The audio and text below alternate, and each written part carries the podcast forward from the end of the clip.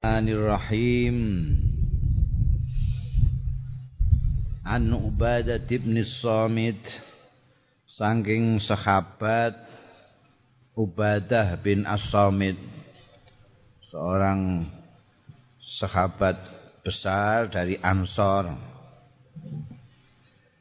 Anna Rasulullah saat temani Kanjeng Rasul sallallahu taala alaihi wasallam Kala dawuh sapa Kanjeng Rasul. Bayi uni padha mbeato sira kabeh nek ana dol tinuku itu ada transaksi antarane pembeli dan penjual. Iku juga mengatakan bayi uni.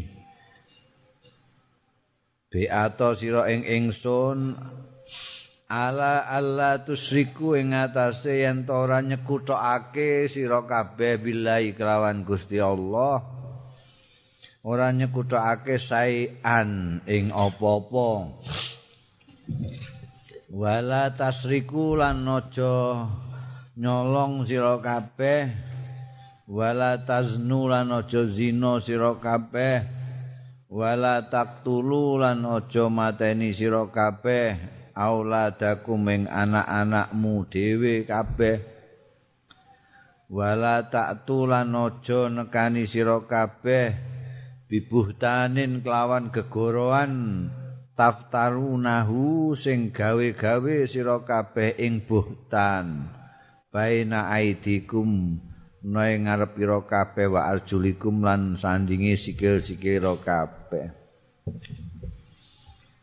wala ta'su lan aja ndurakani sira kabeh fi ma'rufin ning dalem perkara sing ma'ruf. Paman wafa sapane wong sing nuhoni ya man mingkum saing sira kabeh fa ajruhu mongko utawi ganjarane man iku Allah ing ngatasé Gusti Allah Waman asoba sapane wong sing ngeneki ya man. Min dalika sanging mengkono mau kabeh larangan-larangan mau ngeneki saean ing suwi-wiji fa'u kiba mongko den hukum sapa man fit dunya ing dalem donya bahwa mongko utawi hukuman ning donya iku mau kafaratun merupakan tebusan lahu kanggone siman mau. Waman lan sapening wong asoba sing ngeneki man. Mindalika saking mengkono mau mulai saka sirik. Ngantek gawe buhtan mau saean ing apa-apa. Summa satarahullah mongko keri-keri nutupi ing man sapa Allah Gusti Allah azza wa jalla bahwa mongko utawi man bahwa mongko utawi sek mau ilallahiku ya terserah marang Gusti Allah taala. Wa insya'alan lamun ngersakake sapa Allah apa mongko ngapura kanjeng eh, Allah Gusti sapa Gusti Allah andu saking sek? Wa insya'alamun ngersakake sapa Allah akabahu ngukum sapa Allah ing man asaba syek mau fabayakna mongko beat sapa kita kabeh hu ing Kanjeng Rasul sallallahu alaihi wasallam ala zalika ing atase kabeh sing ditutur mau jadi iki sahabat apa jenenge Ubadah bin As-Samit ini ngisahake jaman biat. Biyen ana wong-wong ansor sing sowan Kanjeng Rasul sallallahu alaihi wasallam melalu melakukan biat. Kanjeng Nabi dawuh kowe kabeh tak biat nomor siji aja nyekutokno ning Gusti Allah. Nyekutokno Gusti Allah iku tegese ya nyembah Gusti Allah nyembah lainnya sayan sesuatu apa saja manut karo Gusti Allah tapi ya manut karo brahala. Nyembah Gusti Allah ya nyembah duit nyembah Gusti Allah nyembah liya-liyane Gusti Allah iku dosa sing paling gedhe. Kowe aja sirik aja nyolong aja zina aja mateni anak-anakmu. Mbiyen zaman jahiliyah iku biasane wong Arab nek ndek anak wedok iku merasa repotan iku. Dijak perang gak iso. Ya gak iso. Gawene dinyek-nyek wong. Akhirnya akeh sing do ditekek. Lahir terus dipateni. Entek-entek sego. Nah itu di mulane terus ana larangan wala taqtulu auladakum. Lan aja gawe-gawe. Buhtan itu gegoroan-gegoroan di hadapan orang banyak. Cerita sing ora-ora Orang nyoto tidak boleh. Mereka mau membayar. Ya, bayakna. Berarti sudah ada ikrar dari sekabat-sekabat Ansor bersama Ubadah bin Somit ini untuk tidak sirik, tidak nyolong, tidak zino, tidak mateni anaknya, tidak membuat apa jenenge gegoroan. Lan aja ndurakani, ndurakani ku artine dikongkon ngulon, ora ngulon utawa malah ngetan. Aja ndurakani fi ma'rufin. Ini menarik ini. Mergo Kanjeng Nabi Muhammad sallallahu alaihi wasallam iku perintahe ora ana sing ora makruf, kabeh makruf. Makruf itu sesuatu yang jelas apike menurut syariat, menurut siapa saja. Ya Kanjeng Nabi ora tahu. Utus sing tidak makruf tidak ada. Tapi ning kene kok dikei tambahan wala taksu fi ma'rufin. Artine nek aku ngongkon sing apik aja mbok lawan, lakonono Iku kan ana mafhum nek elek kenek mbok lawan aja mbok lakoni ngono Padahal gak ono Kanjeng Nabi merintah elek iku ora ono. Kenapa kok harus dikasih fi ma'rufin segala macam? Toh semua orang tahu bahwa Kanjeng Nabi semua perintahnya ma'ruf. Iki untuk pedoman. Jadi sing ditaati mengko iku ana pejabat, ana wong tuwa, ana sapa ae lah liyane Kanjeng Rasul sallallahu alaihi wasallam iku nek perintahe perintah ma'ruf ya dilakoni nek wong tuwa ngongkon kok sing apik-apik dilakoni tapi nek wong tuwa kok ngantek perintah sing ora bener misale cung kowe ra anakku ya kowe kudu manut wong tuwa ya Hmm. Nggih, Pak. Saiki kowe kendhat. Emplong sing. Iku ora kudu manut. Iso nolak, iso ndurakani mboten, Pak. Anu. Mergo iku tidak yang makruf. Pemerintah kita harus taat sebagai rakyat. Ati Allah wa ati Rasul wa ulil amri.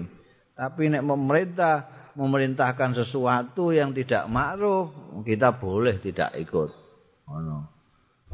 Iku iki ngono jadi Kanjeng Nabi ae sing ora tahu perintah kecuali ma'ruf saja dikai embel-embel wala taksu fi ma'rufin.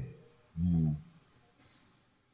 Ana dawuh la ta'ata li makhlukin fi maksiatil khaliq. Tidak ada taat kepada seorang makhluk yang perintahnya itu untuk maksiati sang pencipta. Yang bertentangan dengan al-khaliq ya tidak dilakukan. Jadi pemerintah nyuruh kita anu dilabur 17 Agustusan dilabur iku pager-pager rumahmu nggih. Pasang gendera nggih. Bojomu tekek mboten. Oh, mboten. Lho kowe nentang mboten, mboten nentang. Ya siki saponi nggih, saponi. Kongkon apa ilmu. Tapi kalau bertentangan dengan Allah Ta'ala itu tidak boleh taat. La ta'ata li mahlukin fi maksiatil khaliq. Terus yang menarik lagi, nih gini faman wafa minkum. Nek sudah beat, orang tidak syirik, orang nyolong, orang zina, malah mata ini segala macam. Itu jelas untuk ganjaran sama Gusti Allah. Tapi uang tidak semuanya begitu. Mungkin dia tidak syirik, mungkin dia tidak zina, tapi nyolong misalnya. Atau tidak syirik, tidak zina, tidak nyolong, tapi mateni anak. Atau gaya kegorowan. Oke, kalau dia melakukan salah satu yang dilarang itu dan dia sudah dihukum ning donya iki ya, yaitu merupakan kafarah tebusannya. Jadi misalnya kayak mbiyen zaman sahabat ana sing zina terus ngaku karo Kanjeng Rasul. Ngaku nek ini kecelakaan zina segala macam minta dihukum ning gone donya. Terus dikhat mbekan Kanjeng Nabi dihukum. Nah, orang yang seperti itu sudah dianggap bebas nanti di akhirat karena sudah ditebusi ning gone donya. Mergo ana wong sing nyolong, ana gak konangan. Wong gak konangan ndak ndekne gak lapor. Gak lapor. Mergo ditutupi Gusti Allah. Gak konangan. Ya iki piye? Gak konangan Gusti Allah ya terserah Gusti Allah. Insya apa wa insya akobahu. Jadi masih belum jelas itu nek wis karuan dihukum ning gone donya ning kono wis bayar kafarat tebusan wis ora diapa-apaan tapi kapan ning donya durung. Ya masih 50-50 harapan itu atau dimaafkan oleh Allah atau tidak dimaafkan. Kalau tidak dimaafkan dia disiksa. Ngono ya. Mulane sahabat sing tak critakno mau kepengin yakin bahwa sudah tidak ada tanggungan lapor kanjeng Nabi minta dihukum ning dunia ono ulama-ulama sing ngendikake hukuman ning dunia tidak harus khat tidak harus hukuman oleh pemerintah. Tapi hukuman-hukuman yang bangsa malapetaka. Kepaten anak kepaten bojo, kepaten wong tua, loro, nemen, kebentuk ndase ngantekan merempul, kecocok keri segala macam itu merupakan hukuman-hukuman duniawi ya. Sing ning hadis lain disebutkan itu bisa menghapuskan dosa.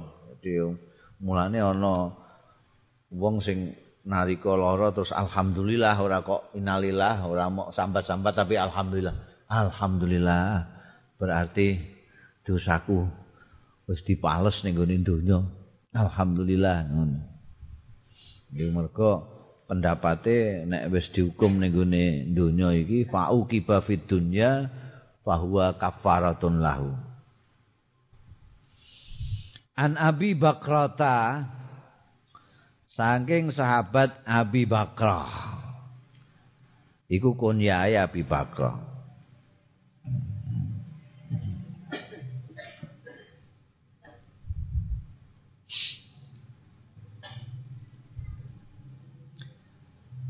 Kala ngendika Abi Bakrah ngendikane sami tu Rasulullah. Mireng sapa ingsun ning Kanjeng Rasul sallallahu alaihi wasallam.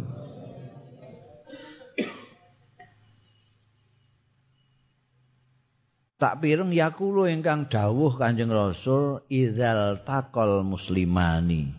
Nalikane campuh bertemu sapa al muslimani wong muslim loro bisai faihima kelawan pedang lorone muslimah ini. Fal qatilu mongko utahi sing membunuh. Wal maktulu sing dibunuh. Iku finnari ing dalem neraka. Naudzubillah kultu matur sapa ingsun. Maksudnya Abi Bakrah itu matur ya Rasulullah duh Kanjeng Rasul hadzal qatilu tawi niki sing mateni niku pun pantes nek mlebu neraka wong mateni wong. Fama balul maktul. Mongko niku napa balul maktul utahe salahe sing dipateni? Sing dipateni kok nggih mlebu neraka iku sepundi kala dawuh sapa kanjeng rasul innahu setuhune al maktul kana ana ya maktul ana iku harison bronto juga ala qatli sahibihi ing atase mateni lawane ya. Lawane maktul. Abi Bakroh itu asmane dhewe Nafek bin Kaladah. Nafek bin Kaladah seorang sahabat yang banyak hadis-hadisnya diriwayatkan melalui sahabat apa Imam Bukhari. Jadi ini ana wong tukaran loro padha muslime paten-patenan ngantek nggawa senjata. pedang itu mergo umume zaman biyen senjatane ya pedang kuwi ning dindi do nyandang pedang. Nah, saiki ya pistol lah. Wong muslim ya anu mbok padha nggawa pistule ngono duel. Arep paten-patenan sing mateni sing ma dipateni kabeh ning neraka. Mulane Nafek bin Kaladah alias Abi Bakrah ngantek nyuwun pirsa karo Kanjeng Rasul. Lho, nek sing mateni ngoten nggih pun karuan nek teng neraka niku. Lah sing dipateni lah kok mlebu neraka juga niku sepundi. Ha iya tapi wong ndikne iku jane nek ora kenek dhisik ndikne sing mateni ya. Wong ndikne ya bronto. Nah iki larangan wong Islam ngantek gegeran tukaran karo wong Islam nganggo senjata barang. Tukaran ya nganggo cangkem ngono ae ayo. Hmm. ora usah nganggo pedang ngundak ana sing mati nah sing apik meneh iso ora usah tukaran ora usah perang saiki iku ndang wong Islam senengane tukaran. Asale ya perkara cangkem terus sesuai terus nabok sesuai terus ngetokno bendu ngono iku lali nek al qatil wal maktul finnar. Oleh. Ini Quran itu nek ana kelompok gegeran antara itu harus diislahkan. Diislahno kuwi sing ora gelem islah iku sing kudu diperangi. Saiki wong tukaran wong Islam tukaran iku diislahno padha ora geleme. Iku kudu diperangi karo pisan. gak gelem piye zaman wis akhir An Abi Hurairah orang yang terkenal paling akeh anune hadise iku sahabat Abi Hurairah. Asmane Abdurrahman bin Sakhr asmane dhewe. Kene senengane duwe kucing cilik ngono kuwi? Ning dindi ini gini masjid barang iku dinggo dolanan. Terus dijuluki Kanjeng Nabi Abu Hurairah Hurairah iku kucing cilik. Jadi bapake kucing cilik. Aling akeh dhewe hadise. Mergo pancen beliau ini manggone ning masjid Jadi sering banget ketemu Kanjeng Rasul sallallahu alaihi wasallam. Dan penggaweane pancen wis ngetutno dawuh-dawuh Kanjeng Nabi ora duwe pekerjaan sing misale nek kaya sahabat sahabat liyane sahabat Abu Bakar, Umar, Utsman, sak piturute itu saudagar-saudagar cara saiki ini pengusaha-pengusaha yang mempunyai dagangan-dagangan perniagaan. Hurairah ora. Dia punya kesempatan lebih banyak untuk apa jenenge nyateti dawuh-dawuhe Kanjeng Rasul sallallahu alaihi wasallam. An Abi Hurairah radhiyallahu anhu qala ngendika Abu Hurairah qala Rasulullah sallallahu alaihi wa ala alihi wasallam Man yakum sapane wong sing jungkung jumeneng Lailatul Qadri ing bengi qadar imanan. Ana iman wahtisaban dan golek ganjaran. Gufiro mongko di ngapura lau kedue man apa ma barang takot dama sing wis dhisik ya ma min dzambihi saking dosane man. Mane wong-wong do goleki Lailatul Qadar iku merga kepengin entuk pengapurane Gusti Allah ora mok dosa sing siji tok tapi mata kodama iku dosa sing wis-wis mulai balik ngantek saiki. Nah, iku saiki umpamane umure 40. Iku balike umur 15, iku pirang tahun, dosa pirang tahun dihapus kabeh. Nek wong kuwi ngepasi Lailatul Qadar jungkung bengi. Mbayang bengi. Mau terus ana pembahasan Lailatul Qadar iku kapan? Lailatul Qadar iku ya nalika mudune Al-Qur'anul Karim. Lah ya iku kapan? Nek ndelok Kanjeng Nabi ku nek poso ngibadahin jungkunge semakin likuran semakin hebat. Mungkin ya likuran iku napa Lailatul Qadar. Likuran wong Gusti Allah iku senengane sing ganjil. Menawa ya selikur, nek ora telu likur, nek ora selawe, nek ora pitu likur, ngono.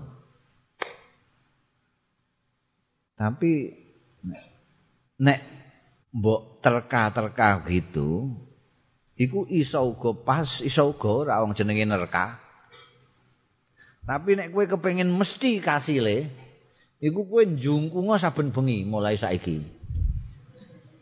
Mesti ini mulai diingi. Terus angger bengi, angger bengi terus njungkung bengi itu. Mesti kena eh. Lailatul Qadar mesti kena. Nek mbok jujuk selikur, ya nek selikur, nek telu likur. Mbok jujuk telu likur, ya nek gak pitu likur, ngono bingung. Tapi nek terus angger bengi, wis ah pira ae sah. Selikur ya kasil, telu likur kasil, selawe kasil, pitul kasil.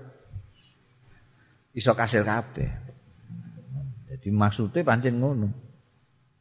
Disembunyikan Lailatul Qadar itu untuk supaya awakmu itu setiap malam jungkung bengi. Terus wong wong Jawa iku rumangsane Lailatul Qadar iku malam yang khusus sungguh penampakan. La ilaha illallah. Untuk duit akeh bangsane ngono kuwi. Oh Lailatul Qadar itu ya malam yang baik yang melebihi seribu bulan. Yang kalau orang melakukan qiyamul lail pada saat itu semata-mata karena iman ning Gusti Allah percaya bahwa Gusti Allah itu akan mengganjar memberikan pahala ndikne dosane sing wis-wis di ngapura.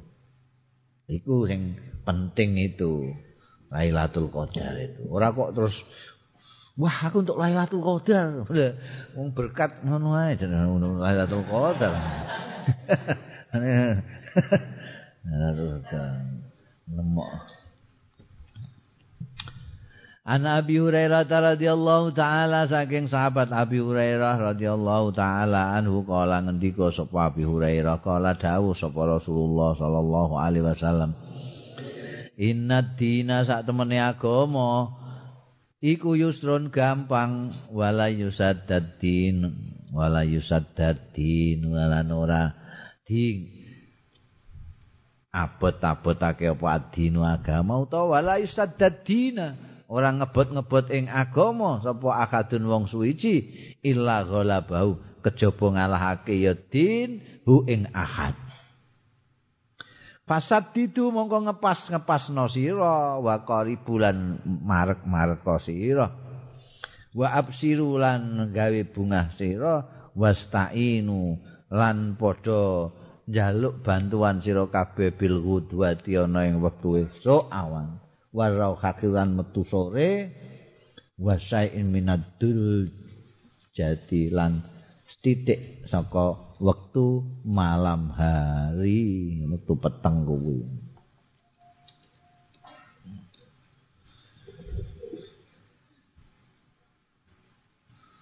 Iki dawuhe Kanjeng Rasul. Kan wong saiki sing saking semangat semangate iku lali menyadari ana hadis iki inad dina yusun sak temene agama iku gampang agama iku gampang sak temene kok ana ketoke angel iku mesti sing ngengel-ngengel wong. Wong nek ngengel-ngengel agama kalah dikne. Wong mbok ngel-ngel tambah angel. Senajan agama iku gampang tapi nek ana wong kok ngengel-ngengel, dikne malah kapok dikne, kalah ambekan abote agama. Wis gampang ya gampang. Mbok Lah piye? Kabeh perintah agama iku ana embel-embele mastata'tum. Ittaqullah ning Quran, ittaqullaha mastata'tum. Takwa sira sak mampumu. Salat sak mampumu. Poso sak mampumu. Kabeh mbok goleki syahadat. Syahadat itu asyhadu an la ilaha illallah wa asyhadu anna rasulullah cangkem Jawa sing hono caraka dadosawala ae iso muni asyhadu an la ilaha illallah wa asyhadu anna ngerti kabeh maknane iki dina wong alam donya kabeh diucapno utawa ora diucapno ngakoni kabeh nek Gusti Allah taala iku pangeran Kanjeng Nabi Muhammad sallallahu alaihi wasallam itu rasul utusane Gusti Allah. Salat salat angel apa gampang? Angel apa gampang? Gampang banget. Wong sak mampumu. Mampu maca Fatihah tok sing diwaca Fatihah tok. Liyane ora maca apa-apa. Kata umpamane Fatihah durung iso. Sing iso mau Allahu Akbar tok. Ya Allahu Akbar tok. Allahu Akbar. Allahu Akbar. Allahu Akbar. Ping pitu, Allahu Akbar. Allahu Akbar ping pitu Allahu Akbar. Sami Allah ya durung iso ya Allahu Akbar ne. Allahu Akbar. Ya antem Allahu Akbar wis. Wong pancen isane lagi Allahu Akbar. Kasil malah nek gelem ning masjid utawa ning langgar ora usah muni apa-apa sing ngeturno imam ngono ae grup-grup imame ya me wadolin amin ngono ae. Enak. Gampang banget. sak mampune kok. Dawuhe Kanjeng Nabi amal tukum bisain faktu minhu mastatok. Nek kowe tak perintahno sesuatu laksanakan semampumu. Zakat. Zakat iku sing duwe duit punjul, sing ora ora. Sing duwe duit mau pas-pasan ngono ae wis ora zakat. Apa meneh sing kaya kowe gak didit ngono. ya malah entuk zakat malah entuk zakat piye kaji kaji sing mampu sing gak mampu wis kaji ning ngene masjid Demak ngono ae peng apa nih ndak ada at inna dina yusun oh iku sing ndake-ndake muah macam-macam sembarang mang hmm. iku sembayang barang kadang-kadang ana sing ngantek petentengan ngono wae Oh, gak sidon. Iku dingel kesel dene, kalah. Mbok dingel-ngel sembayang kudu pas. Allahu Akbar. A ane Allahu Akbar dan nyawa itu selalu sembayang iku kudu pas. Oh, ah gak sih.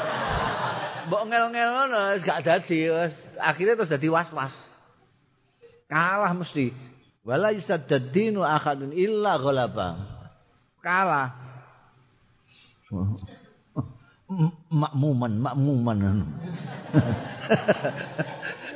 Gak situ neh, oh, makmuman, makmuman. Sesuai terus imamnya yang jenenge Utsman iki makmu dhewe ngono. Ket mau kok makmuman, makmuman terus ah.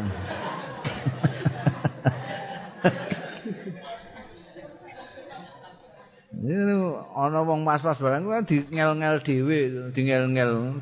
Ora perlu di ngel-ngel. Dadi nek kowe kok rada kangelan ameh was-was ngono, ditekatno lah. Tampa ya syukur ya ora ya wis lah lumayan aku aku gelem salat lumayan. Wong Jawa.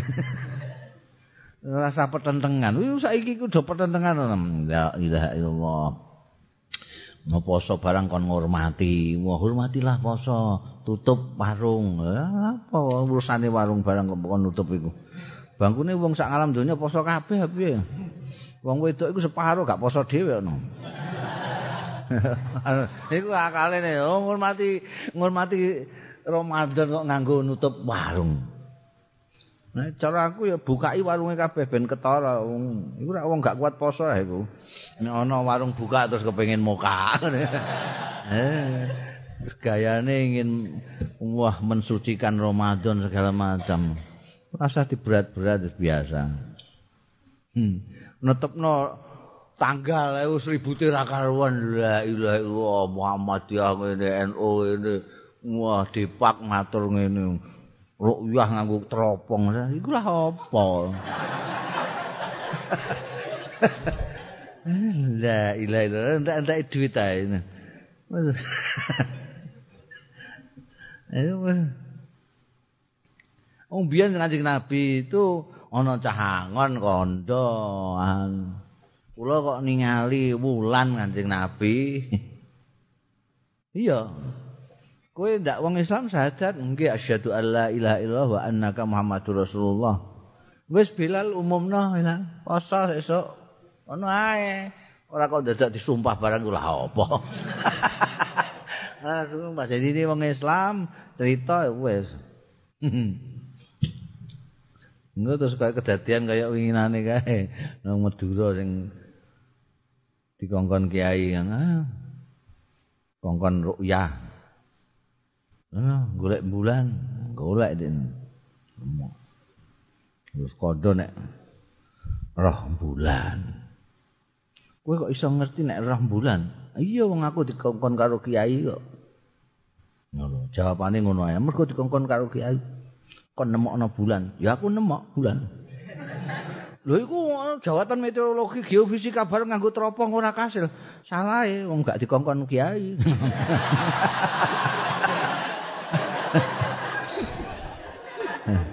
Lho kowe wani sumpah, nek dikongkon kiai ya sumpah aku. kowe kok wani sumpah, lah wong dikongkon kiai. Ini logika Madura. Iki sing cerita wong Madura mbotenan mbok ora. Ora sa pertentengan. Wis geger sekarang malah ana panitia permanen untuk menyatukan hari raya dan poso. Ben guyub ngono lho.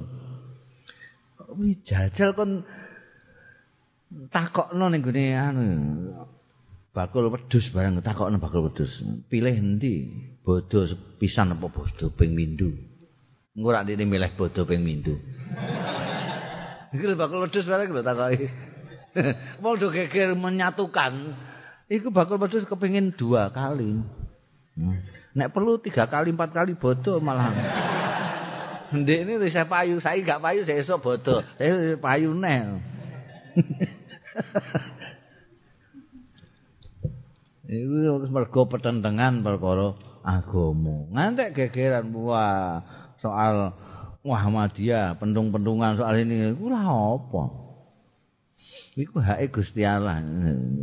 Iku ya serahno Gusti Allah wae. Kuwi rasa petentengan.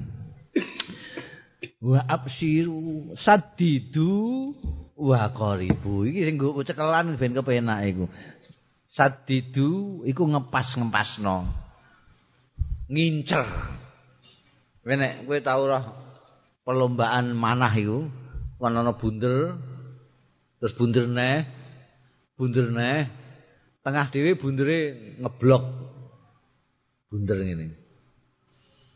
Bunder ngeblok terus bunder kaya pat nyamuk mubeng neh mubeng neh.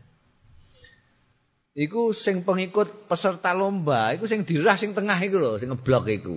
Iku inceren kuwi inceren pas no kono. Wis nek wis mbok incer jerat pas tengah sik ora rada merek memper-memper. Nek ora pas tengah ya wako ribu lah cendek-cendek. Kok ngantek mbok incer tengah kok ngantek kena bathuke wong iku iku wis keterlaluan iku. minimal ya parek-parek. Ndak lingkaran yang pertama ya lingkaran kedua, ketiga itu. Sadidu wa qaribu itu nyinceren. Luweh luweh becik mbok incer ora pati pas mau cedak-cedak kono. Iki bedane ning gone agama karo ning perlombaan mana. Nek ning gone agama luweh apik mbok incer senajan ora pas tengah, rada parek-parek. Timbangane ora mbok incer tapi pas. Pas. Iku gak acik niku agama iku. Dadi kowe awak-awakan sembayang ora mbok pas-pasno tapi pas. Dilalah kok pas iku sembayange. iku gak acik. Nah nek niku perlombaan ya senajan gak mbok incer anggere pas ya juara kowe.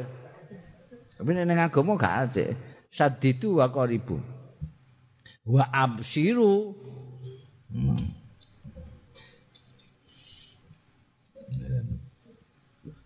Bergembira.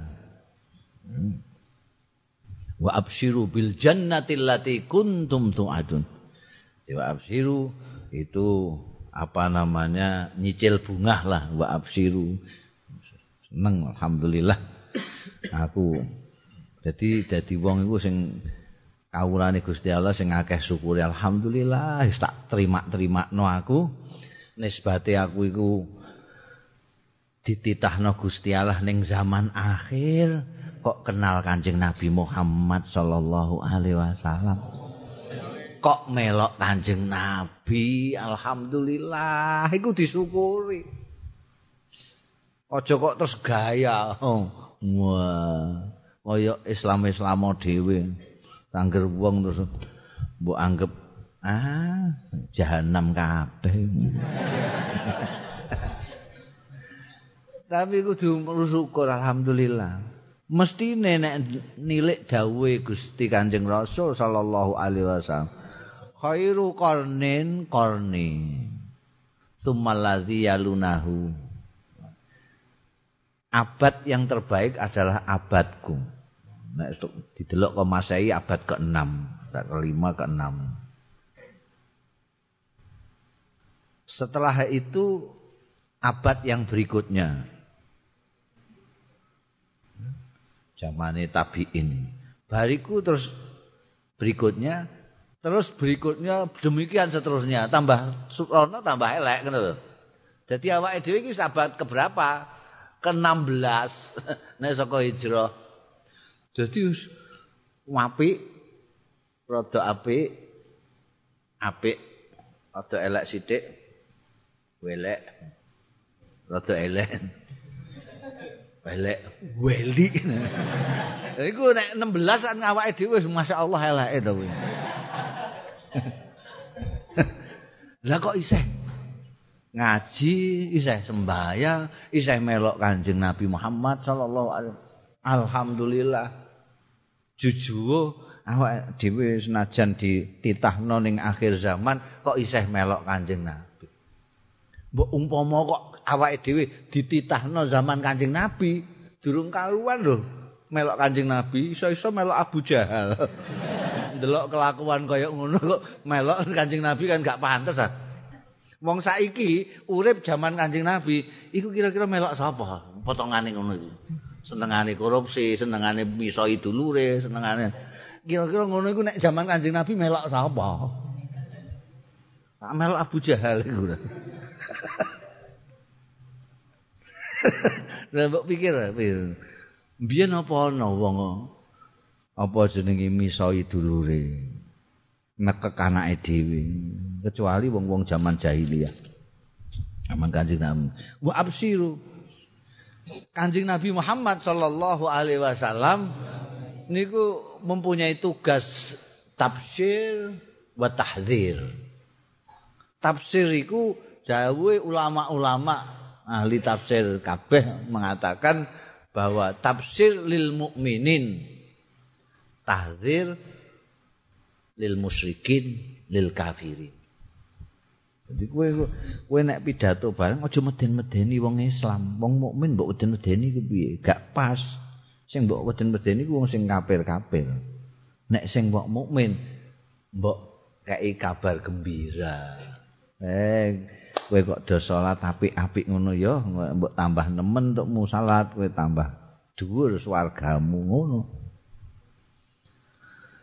Aduh Ojo ngebot-ngeboti awake dhewe. Biyen iku ngono. Wong wedok iku hobine salat. Kayak kowe ya hobi salat. Oh, hobine salat. Saking senenge salat, iku ning musolane dipasang tali kono untuk nong saka kene nggo gandulan. Maksudnya nek dene wis lemes wis rada ngantuk iso tetep iso salat mergo gandulan tali. Saking senenge salat. Ya berat.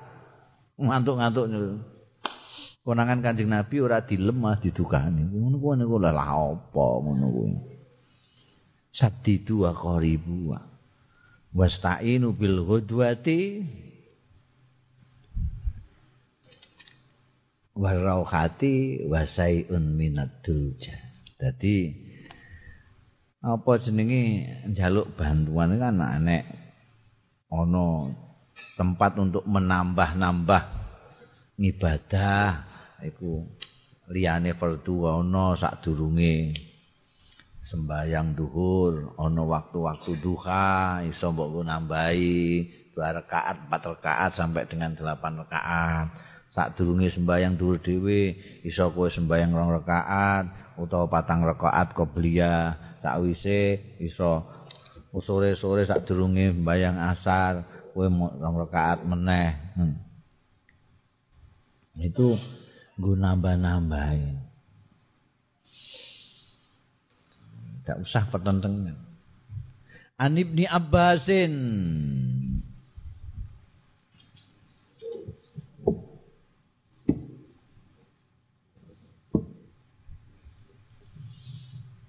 Ibnu Abbas salah satu sahabat yang pada zamannya termasuk sahabat yang muda sing disebut Ibnu Ibnu Abbas, Ibnu Umar, Ibnu Amr Ibnu Mas'ud oh itu anak-anak muda sing zaman Kanjeng Rasul itu tapi mempunyai eh, kecerdasan yang lebih dari rata-rata asmane sing dis, gak disebut mau disebut ramane tok kaya Ibnu Abbas, Ibnu Umar ini namanya semuanya Abdullah. Abdullah bin Abbas itu ahli tafsir.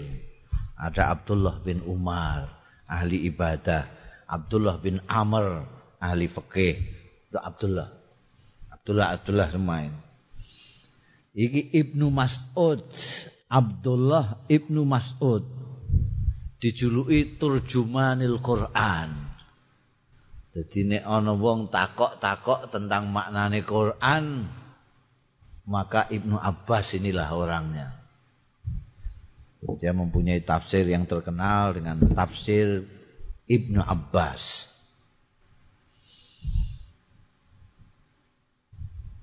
Jadi isih pernah apa mbek Kanjeng Rasul sallallahu alaihi wasallam. Wong Al Abbas iku pamane Kanjeng Rasul. An Ibnu Abbas radhiyallahu anhuma radhiyallahu anhuma sing didongakno mau ora Abdullah bin Abbas tok tapi juga sekalian Al Abbasnya sendiri karena bapake ramane yo sahabat putrane yo sahabat Jadi radhiyallahu anhuma dua-duanya. Kala ngendika sapa Abdullah bin Abbas Inna wafda Abdul Qais setuhune delegasi delegasi itu apa delegasi Jawa ini sekelompok orang tapi tidak seluruhnya jadi maunya wong Indonesia ada beberapa orang, sekelompok orang datang ke Mekah. Wah ini delegasi Indonesia. Ku apa cara Jawane apa? Aku suwe ora tau ngomong Jawa saat.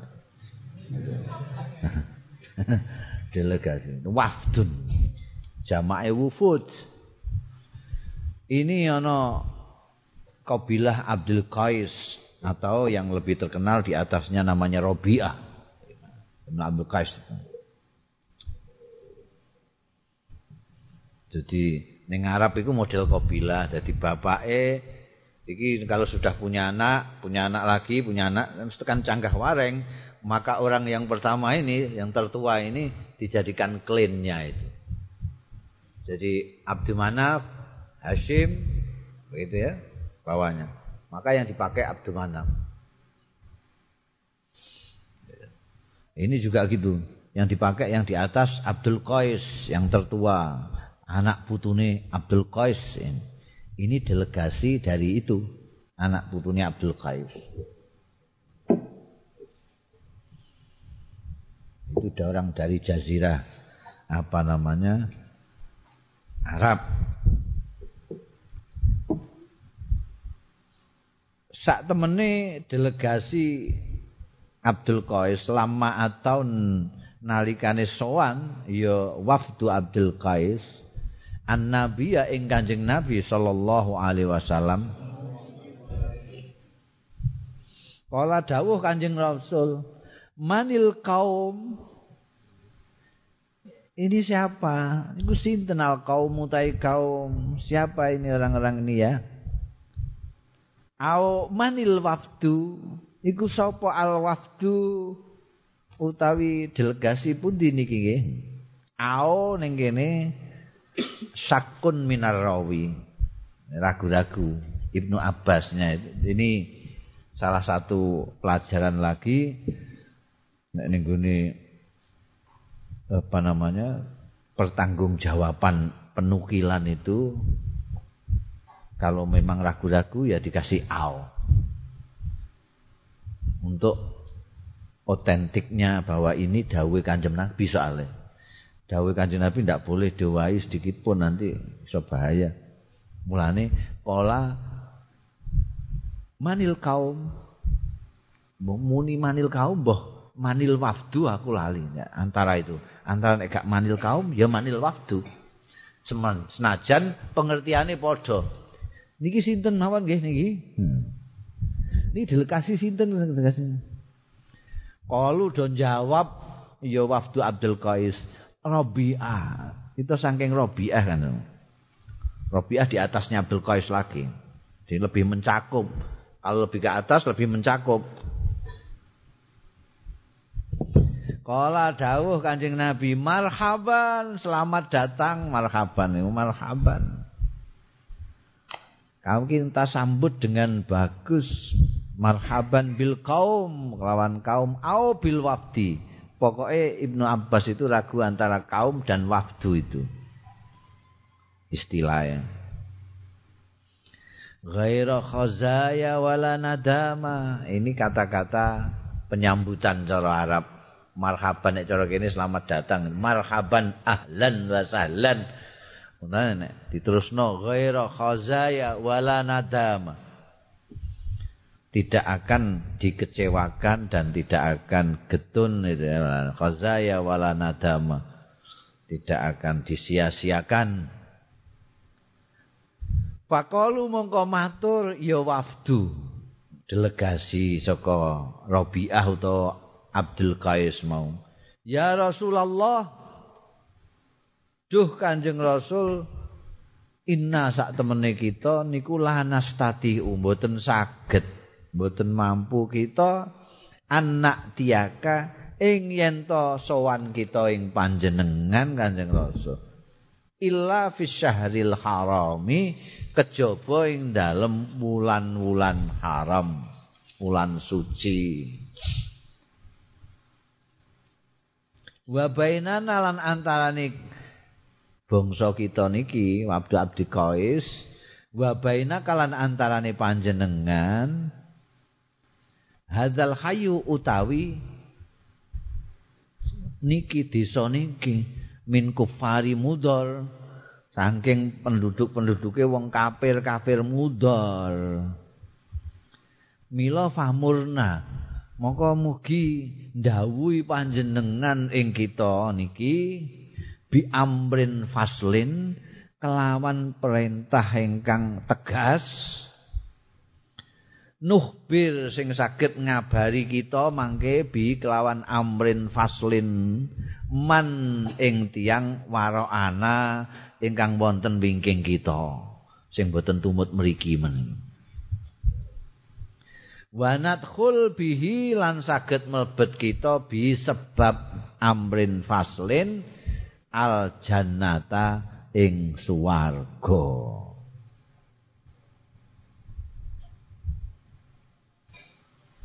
wa sa'aluhu lan nyuwun pirsa sapa wafdu Abdul Qais anil asribati tentang minuman-minuman. Jadi kabilah Abdul Qais ini nek arep ning Madinah dia harus melewati perkampungannya orang-orang kafir mudor. Orang wonge wedi liwat kono nek ora wulan-wulan haram wis mesti dipiloro mbek wong-wong kafir. Waktu itu belum semua kabilah-kabilah Arab ini masuk Islam. Jadi wong-wong saka Rabi'ah ini menyatakan wong niku nek ajeng tengene jenengan Kanjeng Nabi kudu ngliwati kampunge tiang-tiang kafir mudor. mboten saged saben dina ngoten mesti kudu ngenteni Syahrul Haram. Mergo nek wulan haram itu wong Arab berhenti tidak mau perang. Haram.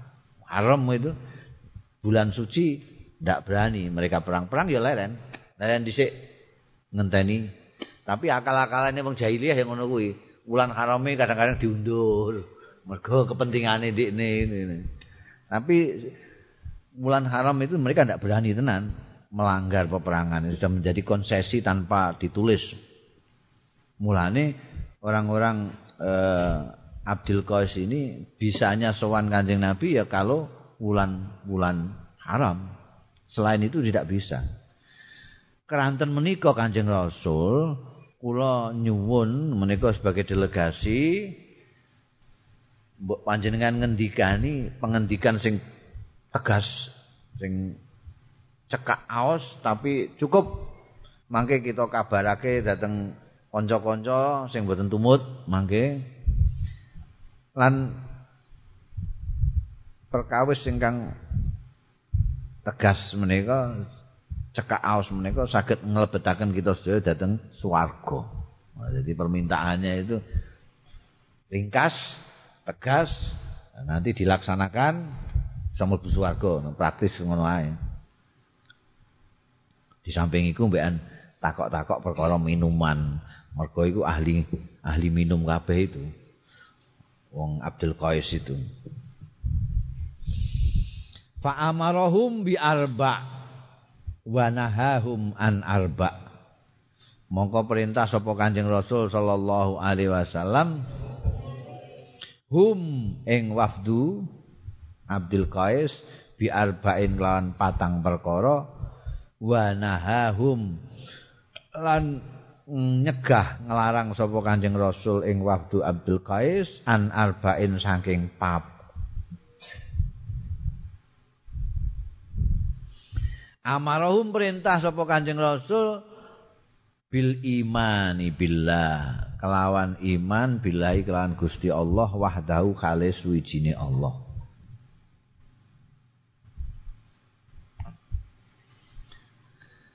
Kala dawuh sapa Kanjeng Nabi, atadruna mal imanu billah wahda. Pun do ngerti kabeh, wis do ngerti kabeh ta sira. Atadruna ana to ngerti sira kabeh. Ing ma iku apa? Al imanu ta iman billahi kelawan Gusti Allah wahdahu khalis wijine Allah. Iman kelawan Gusti Allah dhewe iku apa? Wis ngerti kowe? Kalu matur sapa wafdu Abdul Qais Allahu wa rasuluhu a'lam.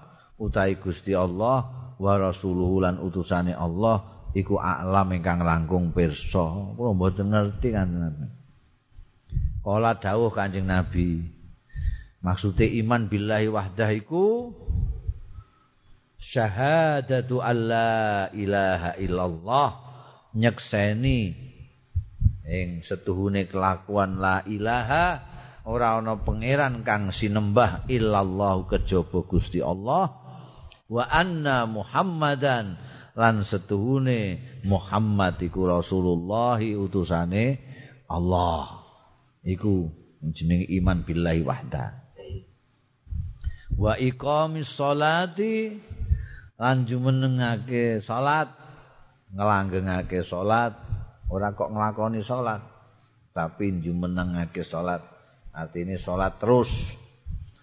Wa ita zakat lan menehake zakat. Wa siyami ramadhana lan poso wulan ramadan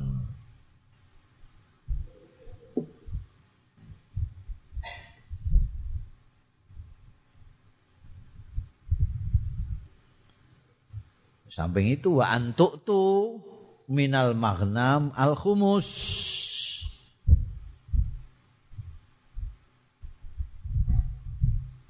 di papat itu ada yang mengatakan bahwa papat itu ya syahadat apa jenenge? Salat zakat poso Ramadan. Sebenarnya sedangkan wa antuk tu minal magnam ini tambahan perkara sing insidental mulane eh segote barang ora kaya nek mau nganggo masdar kabeh syahadati alla ilaha illallah iqamus shalah, ita'uz zakah, siyamu Ramadan, tapi sing iki wa antutu. Tambahan saka papat. Lan yen to menehake sira kabeh minal magnami saking perolehan ghanimah al khums ing seperlima.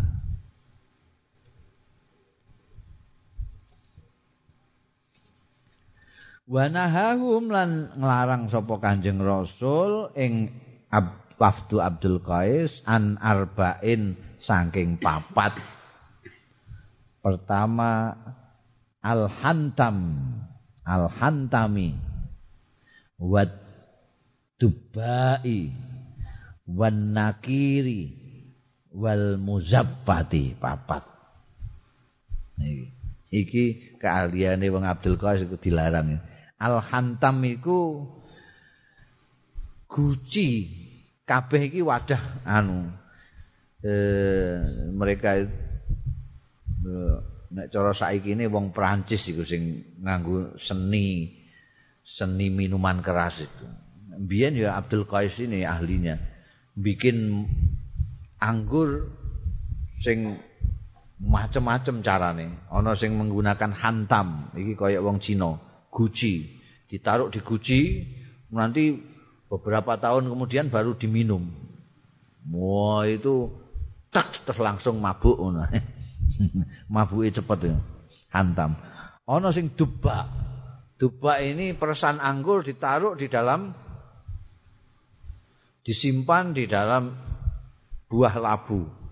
Buah labu itu dubak. Buah labu dikosongi isinya jerone dikai peresan anggur nanti akan jadi minuman sing lain daripada yang lain.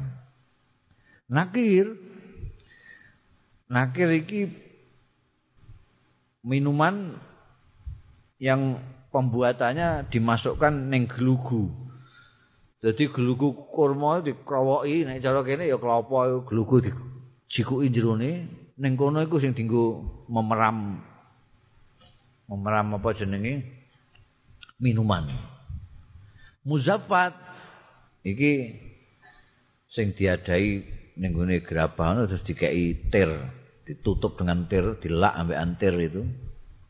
Sing ireng-ireng lho. Nanti tahun berapa itu baru dibuka diombe.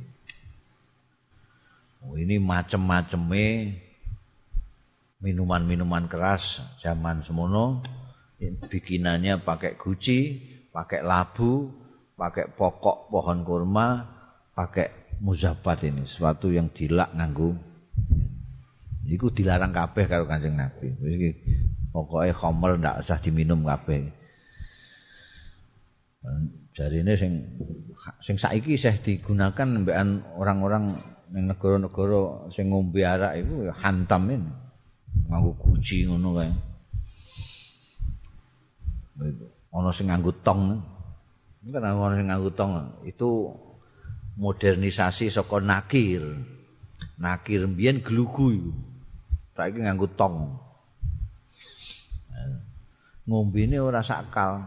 Dinteni nek diinepno nganti bertahun-tahun. Luweh tuwa luweh mendemi luweh senengi wong-wong sing kepengin mendemi Waru bama kola lan mbok menawa-menawa ngendika kanjeng Nabi al muqayyar. Ini juga ragu-ragu apa nakir apa muqayyar. Muqayyar itu sesuatu yang dibuat dari gerabah itu, gerabah. Wae ya dinggo gawe minuman keras. Wa qala lan dawuh Kanjeng Rasul sallallahu alaihi wasallam ihfazuhunna ya apalno kuwi ngreksa sira kabeh ing papat-papat mau. Wa akhbiru lan ngabarono sira kabeh bihina kelawan papat-papat mau. Man waraakum ing wong-wong sing ana nggurira kabeh. Tegese sing gak melu teko kandhani kabeh. Iku kon syahadat kon salat kita zakat siam ramadan gue nek pemane perang untuk ghanimah dibagi seperlima ya. Kemudian serahno kepada Allah wa Rasuluh. Papat iki aja dilakoni ku. Gawe nabi saka hantam saka dubak saka nakir saka muzafat ini. Iman kan berarti kena dilakoni mbek mereka dijamin karo Kanjeng Rasul sallallahu alaihi wasallam masuk surga. Mereka permintaannya memang itu. Nadkhul bi al jannata Bundel wa an Abi Mas'udin.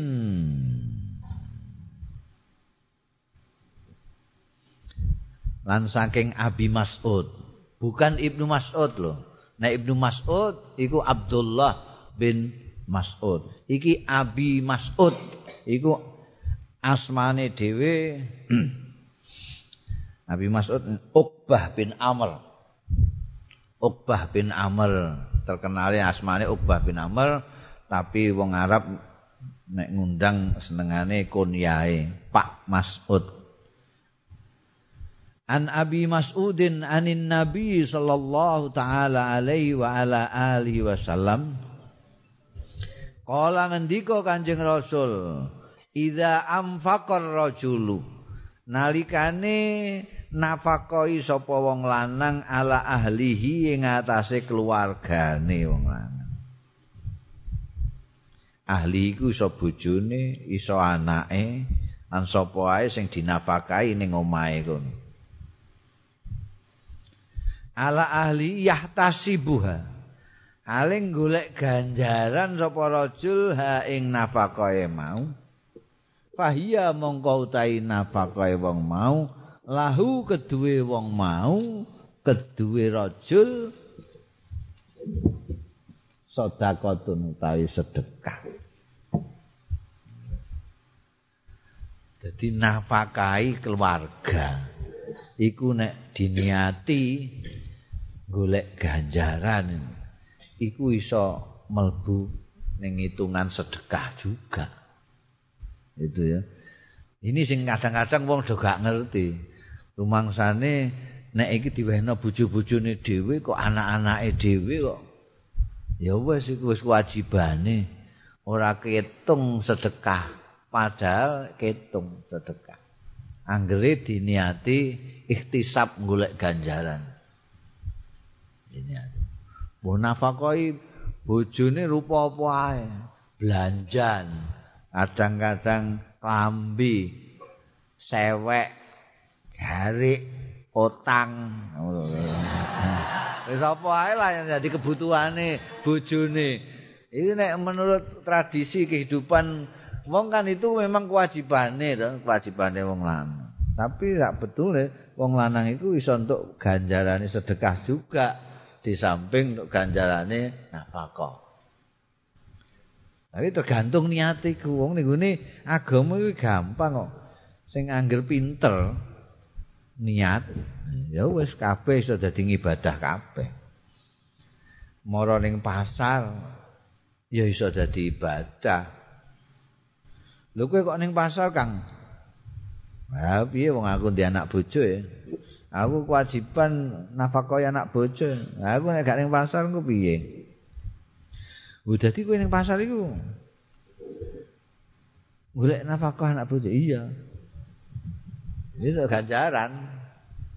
mlakune kok omah ngantek tekan pasar untuk ganjaran. Mbah untuk untung, mbah ora untuk untung, wis untuk ganjaran. Dini kok untuk untung berarti double. Untuk ganjaran ya untuk untung. Tapi nek ning pasar ditakoki kena apa Kang kowe ning pasar? Lho ning pasar ya kena apa? Wong urip golek bathi no. Yen sugih kok. Beda meneh. Iki gak gak niat nafkah anak bojo. Beda meneh. Jadi semua pinter-pinteran niat, pinter-pinteran niat.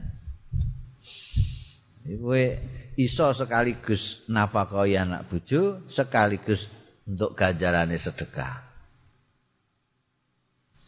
Mulane setan iku mbekan wong alim jauh lebih takut daripada dengan orang yang ahli ibadah tapi tidak ngalim. Mergo yo ngalim iku turu ning pasar segala macam untuk ganjaran kabeh ibadah kabeh. Nek sing bodho iku mau ngertine ibadah ya mau sembahyang. Ngono tok kuwi. Al-Bukhari qala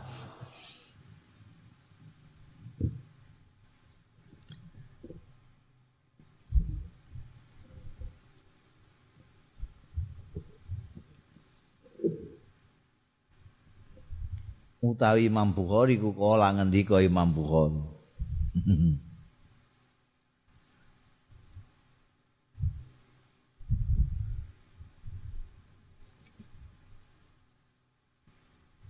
Kala Rasulullah sallallahu alaihi wasallam. Dia diambil dari Imam Bukhari gitu saja yang tidak dijelaskan rawinya dari mana. Ya ya Al Bukhari kala. Jadi mausul Minggu ini langsung minggu ini kanjeng Rasul. Ola dawuh sapa Rasulullah sallallahu taala alaihi wa alihi wasallam. Man salaka tariqan yatlubu bihi ilman sahalallahu lahu tariqan ilal jannah. Sing sapa wonge? Salaka ngambah iya man. Torikon ing dalan. Yatlubu golek sapa man bihi kelawan torik mau ilman ing ilmu sahala mongko gampangake sapa Allah. Lahu marang man gampangake torikon ing dalan ilal jannati marang swarga. Iki fadilahe wong golek ngilmu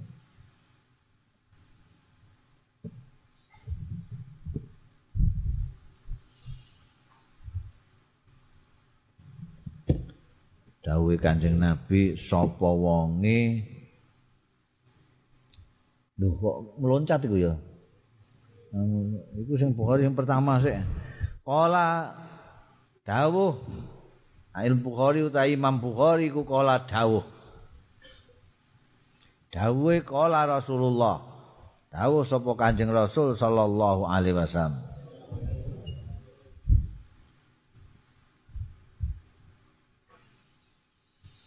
Dawuhe Kanjeng Rasul, man yuridillahu bi khairan sapa wonge sing ngersakake sapa Allah bi kelawan man ngersakake khairan ing bagus yufaqihu mongko mintrake sapa Allah ing man fitining dalam agamane. Wa innamal ilmu angin pestining ilmu iku bitta'allumi kelawan bibinau belajar ya iki dawuh Kanjeng Rasul lho dawuh Kanjeng Rasul sallallahu alaihi wasallam Jadi titenane wong iku kok dikersakno Gusti Allah apik, wong kuwi dipinterake soal agamane. Ana wong kok dipinterno agama dening Gusti Allah, berarti Gusti Allah ngersake apik ning wong kuwi. Nek mbok walik kowe nek kepengin dikersakno apik karo Gusti Allah, kowe kudu berusaha. Pinter ning soal agama. Carane piye? Ya bita'alum. innamal ilmu bitta'allum ngaji. Uh, bangsa. Niku nek sing mboten usah ngaji ngoten niku lho sing namine laduni wah wis entek stoke wis gak ono mas. Wis gak metu. Wis wis gak ono saiki. Ngilmu laduni wis gak ono wis bar gua jaman kuno peke iku Nah, saiki wis ora ono jeneng. Nek kepengin entuk ngilmu ya senau ya belajar ngono ae. wajar rasa nglamun-lamun tengok-tengok ning gone Taman Kartini wis ketemu Nabi Khidir terus ujug-ujug ngalim wis ora ngandel jamanku ae zaman aku mondok wis ra ono kok ngerti sebab aku tahu diarani laduni padahal ora hmm. mergo aku nek ndres delik gak ketok wong dadi ketoke kok gak ndres Mustafa gak tau ndres kok pintere ngono-ngono rumangsane laduni padahal aku ndelik nek terus ning gune kuburan terus kuburan Wah, wong wis ngrasani ladune rumangsane ketemu Nabi Khidir bareng. Nah, itu berarti panjen wis ora ono ono. Karek dongeng tok iku. Nah, zaman pisah ambek Nabi Musa iku wis bar. Dadi saiki rasa nglamun santri-santri kepengin ketemu Nabi Khidir bareng ben dadi ilmu ladune. Ra ono, ra ono. Ya al inamal ilmu ya bita'allum. Iku dawuh Kanjeng Nabi kok. Nama belajar kan. Ngilmu apa ae? Ngilmu agama ya belajar. Ngilmu lainnya ya kudu belajar. Semuanya harus belajar. Enggak bisa. Inama itu kan adatul hasri. Hasri itu ya siku. Tidak ada lain. Cara untuk mendapatkan ilmu, ta'alum. Tidak ada lain. Saja ngandel wah iku jarene ana sing duwe wiridane kok ben ketemu nabi iki. Ra ono ra ono bodhone. Al Bukhari kala Imam Bukhari dawuh iku mau yang kedua ini ada kaitannya mbek sing dhuwur ya yang pertama iku mau soal Orang baik adalah orang yang yang dikesakna Gusti Allah apa adalah orang yang dipinterake agama. Untuk pinter agama dia harus sinau, harus belajar bita'allum itu mau. Ini ada kaitannya. Fadilah ilmu ta'allum itu juga ada dalam hadis yang berikutnya ini. Ono wong kok ngambah dalan untuk mencari ilmu Gusti Allah gampangake wong kuwi dalan menuju ke surga. Jadi penuntut-penuntut ilmu itu gampangane iku padha wae karo mencari jalan yang tergampang dan tercepat menuju ke surga. Nah, nek untuk jalan sing apa jalan pintas yang paling gampang menuju surga yaitu bibi bibinau yatlubu bil ilmu pelajari ilmu.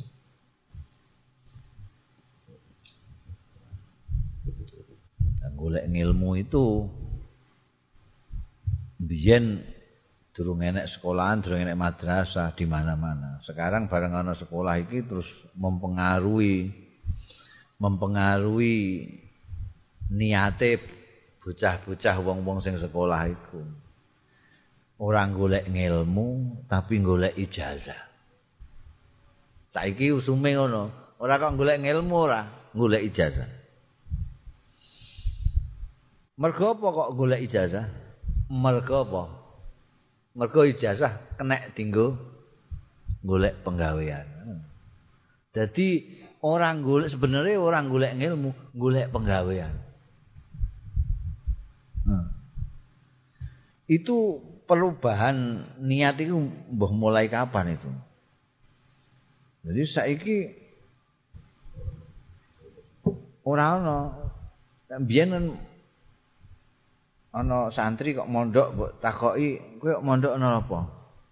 Golek ngilmu am. Nggo ngilangno kebodohan. Ngono. Mulane wong mondok jaman biyen ora barbar wong. bodhone ra ilang-ilang. Wong ilangno niate ngilangno kebodohan. Bodho iku ra iso ilang. Mergo kowe tambah pinter, tambah rumangsa bodho. Tambah pinter, tambah rumangsa bodho. Nek kowe kok rumangsa pinter, berarti kowe wis tetep bodhone. Dadi yo angger kowe kok rumangsa bodho, berarti kowe tambah pinter itu. Titenane wong mundak pinter iku mundak tambah rumangsa bodho kuwi. Begitu rumangsa bodho belajar lagi, rumangsa bodho belajar lagi. Sekarang belajar dibatasi nih gini sekolahan. Wis sekolah ya wis ora ana sekolah. S1, S2, S teler wis. Wah, terus gue golek nyambut kawin.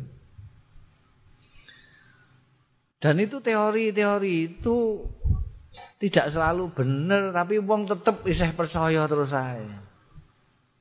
Ah, percaya. Akeh gak bener itu. Teori nek sekolah S sekian S sekian iku menjadi orang yang pemasukannya lebih banyak. Enggak mesti. Hmm. Nek gak gelem sekolah wis mulai angel golek penggawean. Wis iku teori itu gak bener kabeh.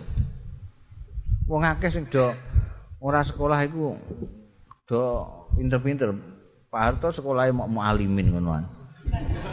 Jadi presiden semono suwe ini. Ada Malik ora sekolah SD ora. Bisa jadi wakil presiden. Gus Dur sekolah ya apa jadi presiden. Megawati tahu jadi presiden bisa nyalon nih sekolahnya. Ora iso mbok anu. Oh, kene gak tahu anak presiden profesor double-double. Nah, bibi tok mesti diluk tok. Jadi presiden. Hmm. Mondok tok wis ora mungkin iso nggolek penggawean. Penggawean apa sih? Nek pegawai negeri ya pancene ora iso. Apa ana pengumuman ning koran dicari lulusan pondok pesantren. Lah.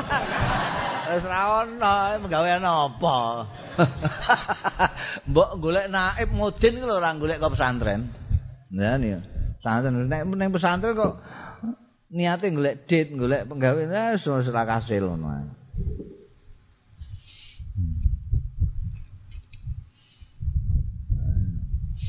Tapi tidak menentukan, tidak menentukan.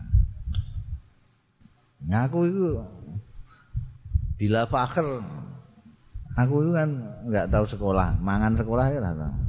SMP ora tahu, SMA ora tahu. Otongane SMP, SMA itu apa nggak tahu lah. SR ae biyen SR saiki SD. Iku wae jasa ilang. Wis dadi ora mungkin golek golek penggawean wis ora mungkin. Tapi nek gajine bangsane jujut barang akeh aku. Ya, eh, dokter Andes ada lekne. Akeh aku. aku nulis sak halaman 500 saya. Iya. Oke. Oke. Memang atas. Malam nek poso ngene iki angger koran jaluk tulisan tentang poso. Ah karek mbukai kitab ngono ae. Di dunia sak sithik variasi rodok ngene kirimno ning Suara Merdeka ngene ning Jawa ngono. Wis diwai sithik-sithik ngono ae. Mangatusan kabeh.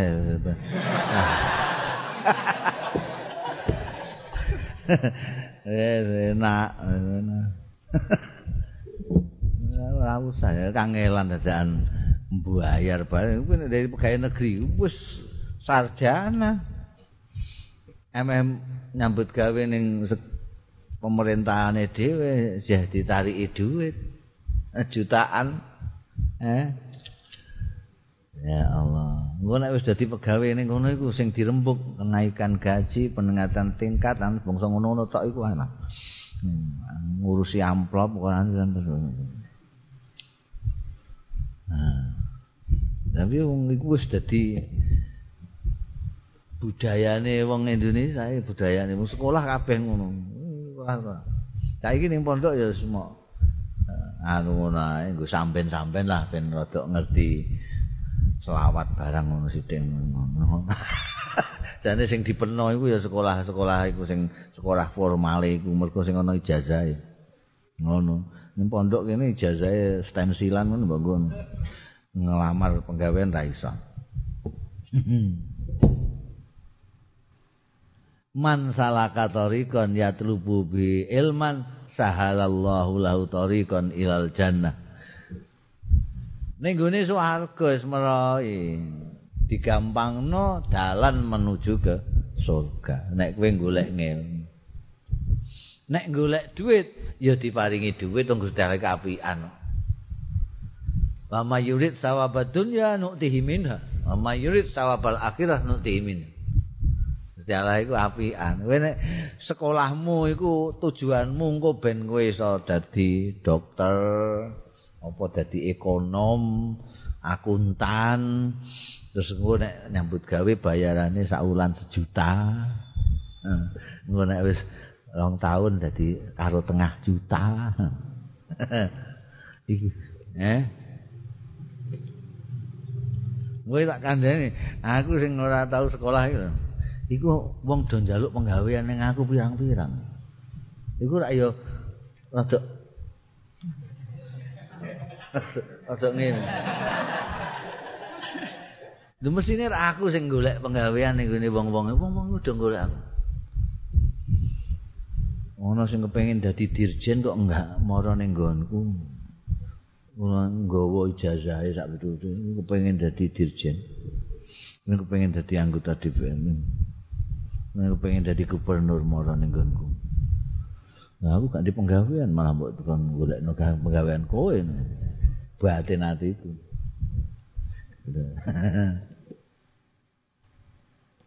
eh, eh, ya wis pancen wis dadi keyakinan ya Non. Sing dadi keyakinan wong Indonesia mbok apakno. Dadi keyakinan wis ngono kuwi. Wis wedi wong iku. Nek ora sekolah sing kira-kira masa depane hmm, iku gak engko mlebu ning iki nek sekian tahun sekian tahun wong tuane kira ngitung. Engko tak biaya SPP ngantek tekan perguruan tinggi iki engko entek semene yuta. Nek ini wis dadi sarjana kira-kira mbalike dhuwitku iki ngantek pirang tahun. Mari dihitung investasi wong tuwa iku saiki. Ora kok golek ilmu tapi investasi. Mulane sing nolak-nolak itu perguruan tinggi itu fakultas kedokteran, fakultas teknik. Mergo masyarakat wis ngerti dokter iku nek dokter umum itu nyekel tangane wong sepisan ora matek kok 20.000. Kowe iku nek anakku dadi dokter sedisa sedina nyekel wong 20 20 ping 20.000 piro iku. Wah, iku engko nek semene taun wis buk bondo aku. Ngono itu. Nek gelem tambah anu spesialis barang wah demek tangane wong sepisan 100.000. Nu, sing spesialis apa jenenge penyakit dalam, ahli bedah sak itu Satu sewu sak demean. Wah. Nenggone kantor. Nek nenggone S2 iki engko langsung apa istilahnya? 4D apa ngono kok usah ngono-ngono iku aku gak pati ngerti aku. Biyen aku Mama jadi pegawai negeri gak sida. Jadi aku digoleki kok ijazahnya sing rene-rene kok gak ono. SR gak ono, SMP gak ono, SMA gak ono, ujug-ujug kok Al Azhar University. Lha iku wong kan bingung, iki sekolahnya meloncat ngono apa ya? gak ditampa seseorang iki ngakali wong iki no. Wah, aku dadi pegawai negeri saiki wis apa iku? Istilahnya saiki. Di ngono. Engko nek wis pegawai negeri kok wis umure wis pira ngono, wis wayahe pensiun, mulai gelisah. Waduh. Pensiun iki. Wis kena sindrom power. Power itu kok bingung nek nek bojone piye iki piye terus golek nambahan anu kondi iki wis suwe ra tau nyambut gawe dagang iki mana ribut. Padha karo anggota DPR, anggota DPR ya ngono. Engko selimang tahun mulai bingung iki ne. Kelbuneh ta ora aku iku. Gak kelbuneh terus piye aku. Bingung dekne. Soale tujuane golek dit sumberin ketutup ya bar. Tapi nek kowe gak golek duit, duit sing goleki kowe. Dunya iku nek wong percaya ngerti rahasiane, iku jane enak. Dunya iku kowe tak kandhani ya, kowe mau ngandel apa ora? Wong kowe ya wong Indonesia. Dunya iku kelakuane. Nek mbok tututi mlayu. Nek mbok tututi mlayu. Nek kowe mlayu ditututi. Nek mbok tututi mlayu, ngos-ngosan kowe. Iki akeh wong do ngos-ngosan do stres. Ning gune HP ku numpuk wong stres iku. Sing sambat-sambat bayarane kurang sing anu segala macam sing di apa no di PHK ana sing pensiunan macam-macam dia sing diburu itu donya diburu melayu dek nih tapi nek kue sing melayu di ini nututi. Ku rahasiane mulane wong biyen akeh sing zuhud. Zuhud itu melayu kon donya. Mergo terus ditututi mek donya. Nek kue melayu kon donya tututi karek kue wani melayu apa ora? Ngene iki aku ngene iki saiki masyaallah. Pengen sedekah ngantekan ngantekno duit itu angel ra karuan kok enek ae ning duit saiki iku lho takon juk-juk njaluk tanda tangan ana apa sih wesel gak mondok kok isih entuk wesel ae sing sing mesel iso sing mesel iso apa Hmm. Biyen nalika aku ngudak donya, wah lara kabeh, lara kabeh. Buka warung ning kono aku tau. Ning ngene lho. Sing saiki garasi buka warung beras wah diutangi santri tok ora bayar. Aco, aco pokoke. Nah iki piye Terus kol-kolan, tuku kol bobrok iku. Wah, lho kok janji maghrib ngitung duit receh-receh iku. Setorane supir duit receh-receh kabeh. Kumel-kumel duit bakul-bakul iku kan. Oh si dijebreng-jebreng. Iki nggo tuku bensin esuk, iki nggo underdeal. Lah terus sing dienggo pangan ndi kok gak ono. Rambut gawe kok ngene iki piye? Akhire terus kulaan. kulaan sarong sarong sarong lan sarong jarine sarong Samarinda sarong Samarinda bentuk honor nulis buku wis dikulakno sarung samandir samarinda. Tawakno ning wong-wong iku. Wah, do kepengin kabeh. Wis bareng dikumbah dadakan njlekitut kabeh. Wah, terus gak gelem bayar. Payah iki seminake iki diapakno iki. Wes lara kabeh pokoke lara kabeh. Wis wis wis wis serasah nututin buntunya wis. Ben dunyae mara dhewe. Wonan parani terus. Saiki ngantek bingung nolak-nolak. ya Allah. iya. Tapi mesti gak ngerti ya, gak ngerti ya.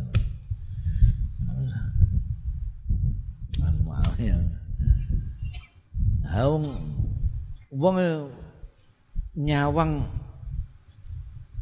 nyawang aku kan bingung. Kok nglencer ning gone timur tengah.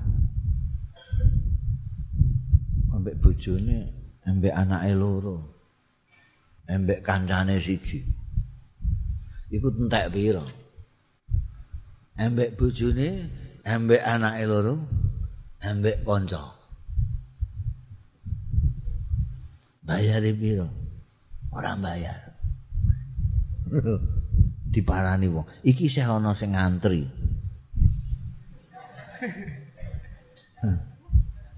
ngantri Mane bangsa adik barang tak kandhani. Kowe ana sing ngundang aku ning Australia. Kandhani Dik. Niku Pak D kula niku itu bisanya Kalau ke luar negeri mesti ngejak konco itu tidak berani sendirian. Kalau sama saya ya boleh lah gitu.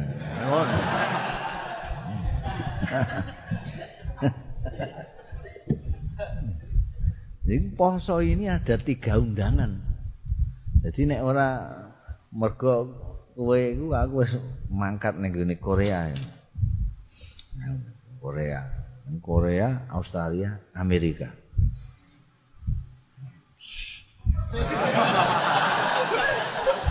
Tolak kabeh nunggoni kowe blok-blok sambil ngantuk-ngantuk ngene kowe wis. Ora cucuk blas.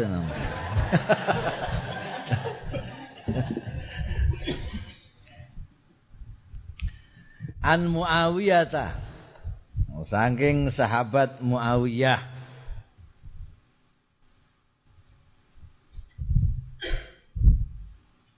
Muawiyah itu Ibnu Abi Sufyan.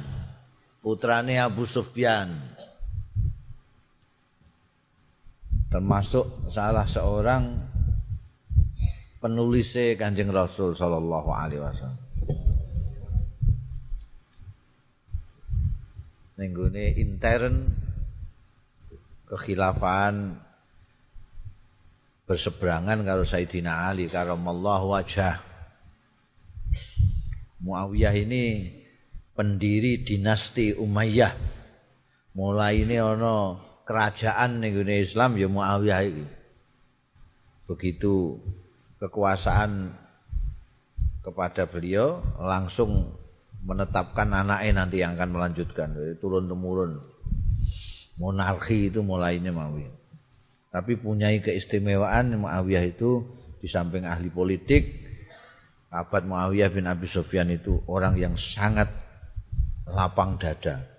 Dinyeki wong diamui mbekan pengikut-pengikut Sayyidina Ali barang dia ndak marah ndak apa. Kehebatannya di situ. Soko sahabat Muawiyah bin Abi Sufyan kala ngendika Muawiyah sami'tun nabiyya. Tapi aja mbok sebut jenenge Muawiyah ning ngarepe wong Syiah ngamuk dekne ngamuk foto nek krungu jenenge Muawiyah An Muawiyah Kala sami'tu mireng sapa ingsun an nabiyya ing Kanjeng Nabi sallallahu alaihi wasallam yaqul.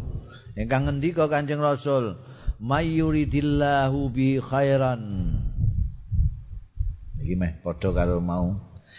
Sapaning wong sing ngersakno sapa Allah bi kelawan man ngersakake khairan ing bagus yufaqihhu fiddin. Mongko minterake sapa Allah ing man fitining dalam agama. Wa innama ana qasimun. Angin pestine ingsun iku qasimun pembagi yang membagi. Wallahu ta'ala Gusti Allah iku yukti sing paring Allah paring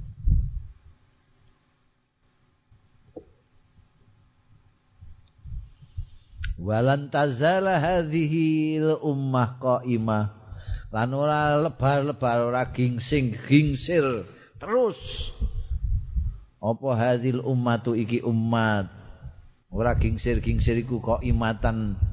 Ngadeg jumeneng ala amrillah ing atase perkarane Allah taala la yadurruhum.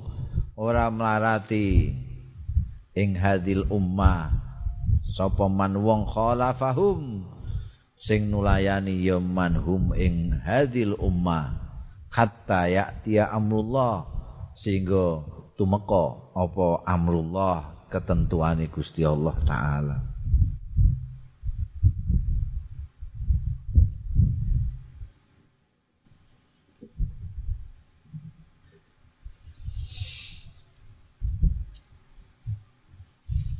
iki meh memper dik sing awale padha karo sing dhuwur mau. Gusti Allah nek ngersakake wong itu apik wong mau dipinterake soal agamane agama kuwi saka Kanjeng Rasul sallallahu alaihi wasallam. Kanjeng Rasul diulang Gusti Allah langsung. Lah sekarang Kanjeng Rasul membagi ilmunya kepada siapa siapa tapi kok ana sing pintere kaya Sayyidina Ali ana Sayyidina Umar? Kok ana sing ora? Kanjeng Rasul bagi saja. Jajan tapi sing paring Gusti Allah. Sing paring Gusti Allah. Di Kanjeng Nabi seperti wong juga guru muridé pirang-pirang ini ora kok dadi kabeh. Ana semene sing dadi ana sing iki. Karena dia cuma bagi tok Anjing Rasul sallallahu alaihi wasallam juga menegaskan innama ana qasimun. Saya ini hanya pembagi. Saya bagi ya rata saya baginya. Dini ana sing iso madai akeh ana sing ora itu mergo Gusti Allah maringi iki maringi kuwi sipulan diparingi akeh sing sesuai dengan kehendaknya Allah balik ning gone mayuridillahu bi khairan Kalau Allah mengendaki si fulan itu lebih baik, maka dia akan lebih banyak mengetahui tentang agamanya. Nah, iki sedengan ya berarti Gusti Allah ngesake apike sedengan. Sedangkan umat ini sendiri walan lan itu ora bakal lan tazal ora bakal gingsir-gingsir. Artinya selalu umat ini akan berdiri terus apa pun yang terjadi. Apa arep difitnah Amerika apa arep di fitnah ambekan wonge wong Islame dhewe? Umat ini tetap akan berdiri tegak. Apa pun tidak bisa layadurruhum man khalafahum. Orang yang memusuhinya yang melawannya tidak bisa apa-apa. Layadurruhum man khalafahum. Kecuali itu. Hatta ya'tiya amrullahi perkarane Gusti Allah. Sampai dina kiamat maksudnya sampai dengan hari kiamat. Ini saiki apa namanya menurut sensus ternyata umat Islam itu di dunia ini setelah ada kejadian 11 September dengan Amerika itu WTC itu justru ning Amerika mundak wong Islam. Padahal bus ngelek-ngelek sing neror iku wong Islam. Ternyata sekarang justru di Amerika lebih dari 9 juta umat Islam di Amerika. Akeh sing anyar-anyar do syahadat itu. Repot. Jadi secara keseluruhan umat ini akan terus berdiri. Layadurruhum an khalafahum cuma secara mikro di bagian-bagian tertentu memang ana sing memprihatinkan ya. Kaya ning Indonesia iki ketoke wong Islam pirang-pirang tapi apa yang dilakukan itu enggak jelas. Mestine nek wong mayoritas sebagai bangsa Indonesia sebagai mayoritasnya umat Islam mestinya sudah bisa berbuat banyak untuk negeri ini. Ini negeri ini terpuruk terus ini berarti umat Islamnya belum bisa berbuat apa-apa. An Asma radhiyallahu anha wallahu a'lam